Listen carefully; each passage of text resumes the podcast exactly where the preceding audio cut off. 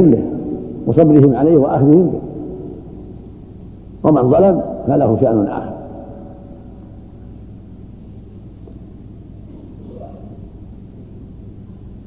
وهذا الواجب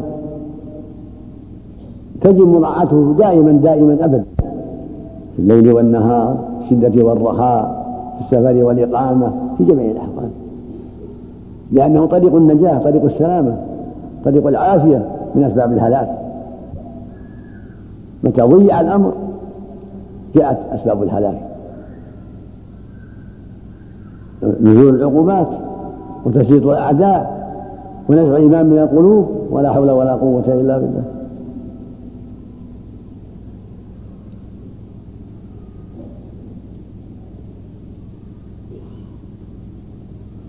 وكل مؤمن وكل مؤمنة عليه واجب. كل واحد عليه واجب. فإذا كنتم ثلاثة في بيت أو أربعة أو عشرة في بيت أو في قبيلة لكم قدرة فعليكم الواجب. فرض كفاية فإذا قام به بعضهم كفى عن الباقين وحصل المقصود والحمد لله. فإذا تركه الجميع أثموا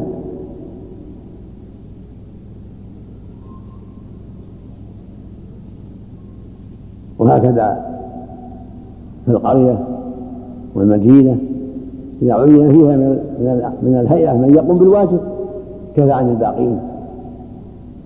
ومن ترك واجبه أثم وإذا حصل المطلوب من المعينين سقط عن الباقين. وعلى المؤمن أن يقوم بذلك ولو بغير مساعدة حسبة لله. كل واحد يقوم بذلك حسبة لله. ليس من شرط ذلك أن يوله الحاكم أو يعطى راتب. كل واحد عليه واجبه لكن بالحكمة بالرفق بالكلام الطيب بالأسلوب الحسن. متى شاهد المنكر أو رآه أنكره بالكلام الطيب والأسلوب الحسن. أما التغيير بالضرب بالقتل بالسجن هذا إلى ولي الأمر وإلى من أسند إليه ذلك حسب التعليمات التي يسندها إليه يأخذ بها. يمشي على التعليمات. أما من ليس عنده أمر من ولي الأمر فعليه أن ينكر بالكلام ويوجه بالكلام والحكمة والرفق حتى ينشر الحق وحتى يبين الحق وحتى يزيل الجهل حتى يكون الناس على بصيرة. ومن أحسن قولا ممن دعا إلى الله وعمل صالحا وقال إنني مسلم. ادعو إلى سبيل ربك بالحكمة وموعظه الحسنة وجادلهم بالتي أحسن.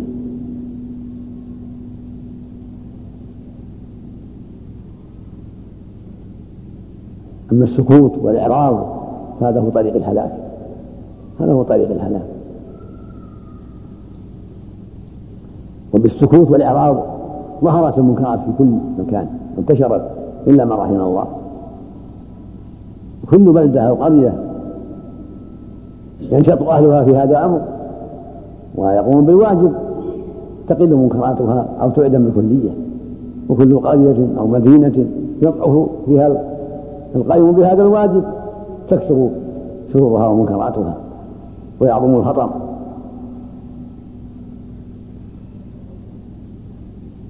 ولا يجوز لأحد أن يقول هذا على غيري بل يقوم بما يجب ما يستطيع هو يستطيع مع خدمه ومع أولاده حسب طاقته ومع جيرانه ومع جلسائه ومع زبلائه وفي أي مكان حسب طاقته.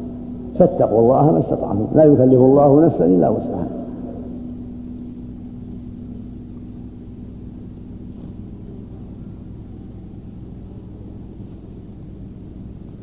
ولك شرف عظيم أن تكون ممن قال الله فيهم والمؤمنون والمؤمنات بعضهم يأمر بالمعروف وينهى عن لك الشرف العظيم أن تنتظم بشرك هذه الآية وأن تحقق إيمانك في هذا الواجب العظيم. وفي قوله تعالى ولتكن منكم أمة يدعو إلى الخير ويأمر بالمعروف وينهون عن المنكر وأولئك هم المفلحون. لا وصفهم بالفلاح هم المفلحون كأن ما أفلح لهم حصر لكمال فلاحهم. الدعاة إلى الله والآمر بالمعروف والنهي عن المنكر هم المفلحون.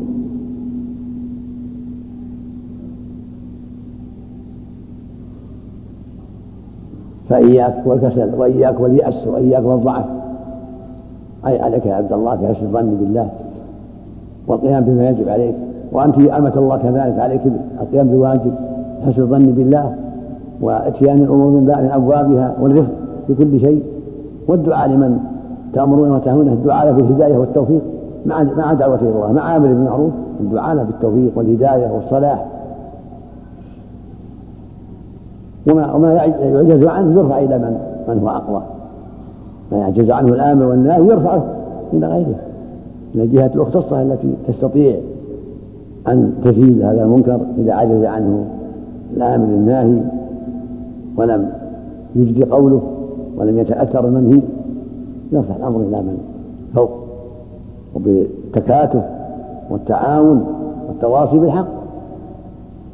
يعين الله المسلمين ويكثر فيهم الخير ويقل فيهم الشر كما قال سبحانه وتعاونوا على البر والتقوى ولا تعاونوا على الإثم والعدوان قال سبحانه والعصر إن الإنسان لفي خسر كل الناس في خسارة. كلهم.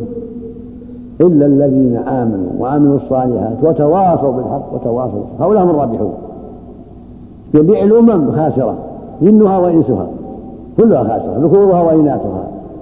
إلا الذين آمنوا وعملوا الصالحات وتواصوا بالحق وتواصوا إن الذين آمنوا بالله ورسوله آمنوا بالله ربا وإلها ومعبودا بالحق وآمنوا بما أخبر به سبحانه وبما أخبر به رسوله محمد عليه الصلاة والسلام وهكذا من قبله.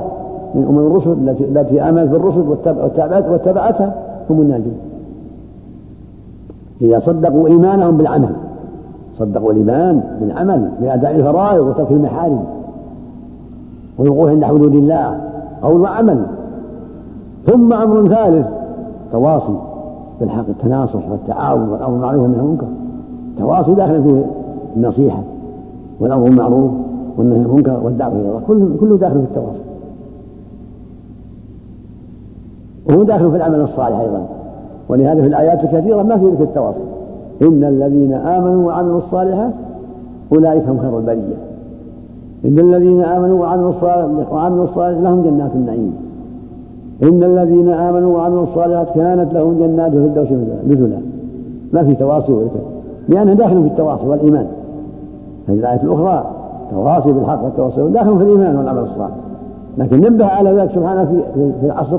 العصر أن ينتبه المؤمنون وليعلموا أن هذا الواجب لا بد منه وإلا هو داخل في الإيمان في الآيات الأخرى وداخل في العمل في الآيات الأخرى. تواصي تناصح تآمر معروف تنهي عن منكر أخذ على يد السفيه داخل في الإيمان مع الصالح ثم الصبر على ذلك لابد من صبر. لابد من التواصي بالصبر. ما تتم الأمور إلا بالله ثم بالصبر.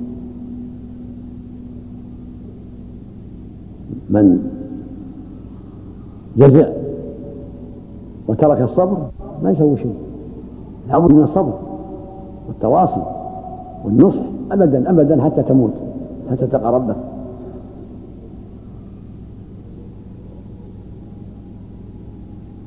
وأعظم المنكرات الشرك بالله أعظم المنكرات الشرك بالله. وعباده غيره فيجب إنكاره قبل كل شيء. ثم الصلوات عمود الإسلام يجب تجب المحافظة عليها والإنكار على من تخلف لأنها عمود الإسلام ثم بقية أوامر الله ورسوله من الزكاة وغيرها. ترك ما حرم الله من سائر المعاصي. وأنت مخلوق لعبادة الله هذه الدار من دار نعيم هذه الدار دار العمل. كل عليه نصيب من العمل لابد من عمل. دار النعيم أمان دار الجنة أما هذه دار العمل لابد من عمل. حتى يحصل لك بعد ذلك النعيم على حسب عملك الصالح أو العذاب إذا فعلت ضد ذلك. أما أنت الآن في دار العمل دار الابتلاء دار الأمر والنهي دار المجاهدة والذين جاهدوا فينا لنهدينهم سبلنا وإن الله لمع المحسنين. فالواجب الاستقامة والجهاد للنفس والجهاد لأعداء الله وللعصاة حسب الطاقة بالطرق التي شرعها الله. نسأل الله أن يوفقنا وإياكم من علم النافع والعمل الصالح وأن يمنحنا جميعا الفقه في دينه والثبات عليه وأن يصلح ولاة أمننا ويعينهم على كل خير. نسأل الله أن يصلح لهم القول والعمل والبطانة. نسأل الله أن يصلح لهم القول والعمل والبطانة وأن يعينهم على أداء الواجب وأن يوفقهم لكل ما في صلاح الأمة ونجاتها وأن يعيدهم من دعاة الباطل ومن طعنة السوء ومن الشيطان الرجيم.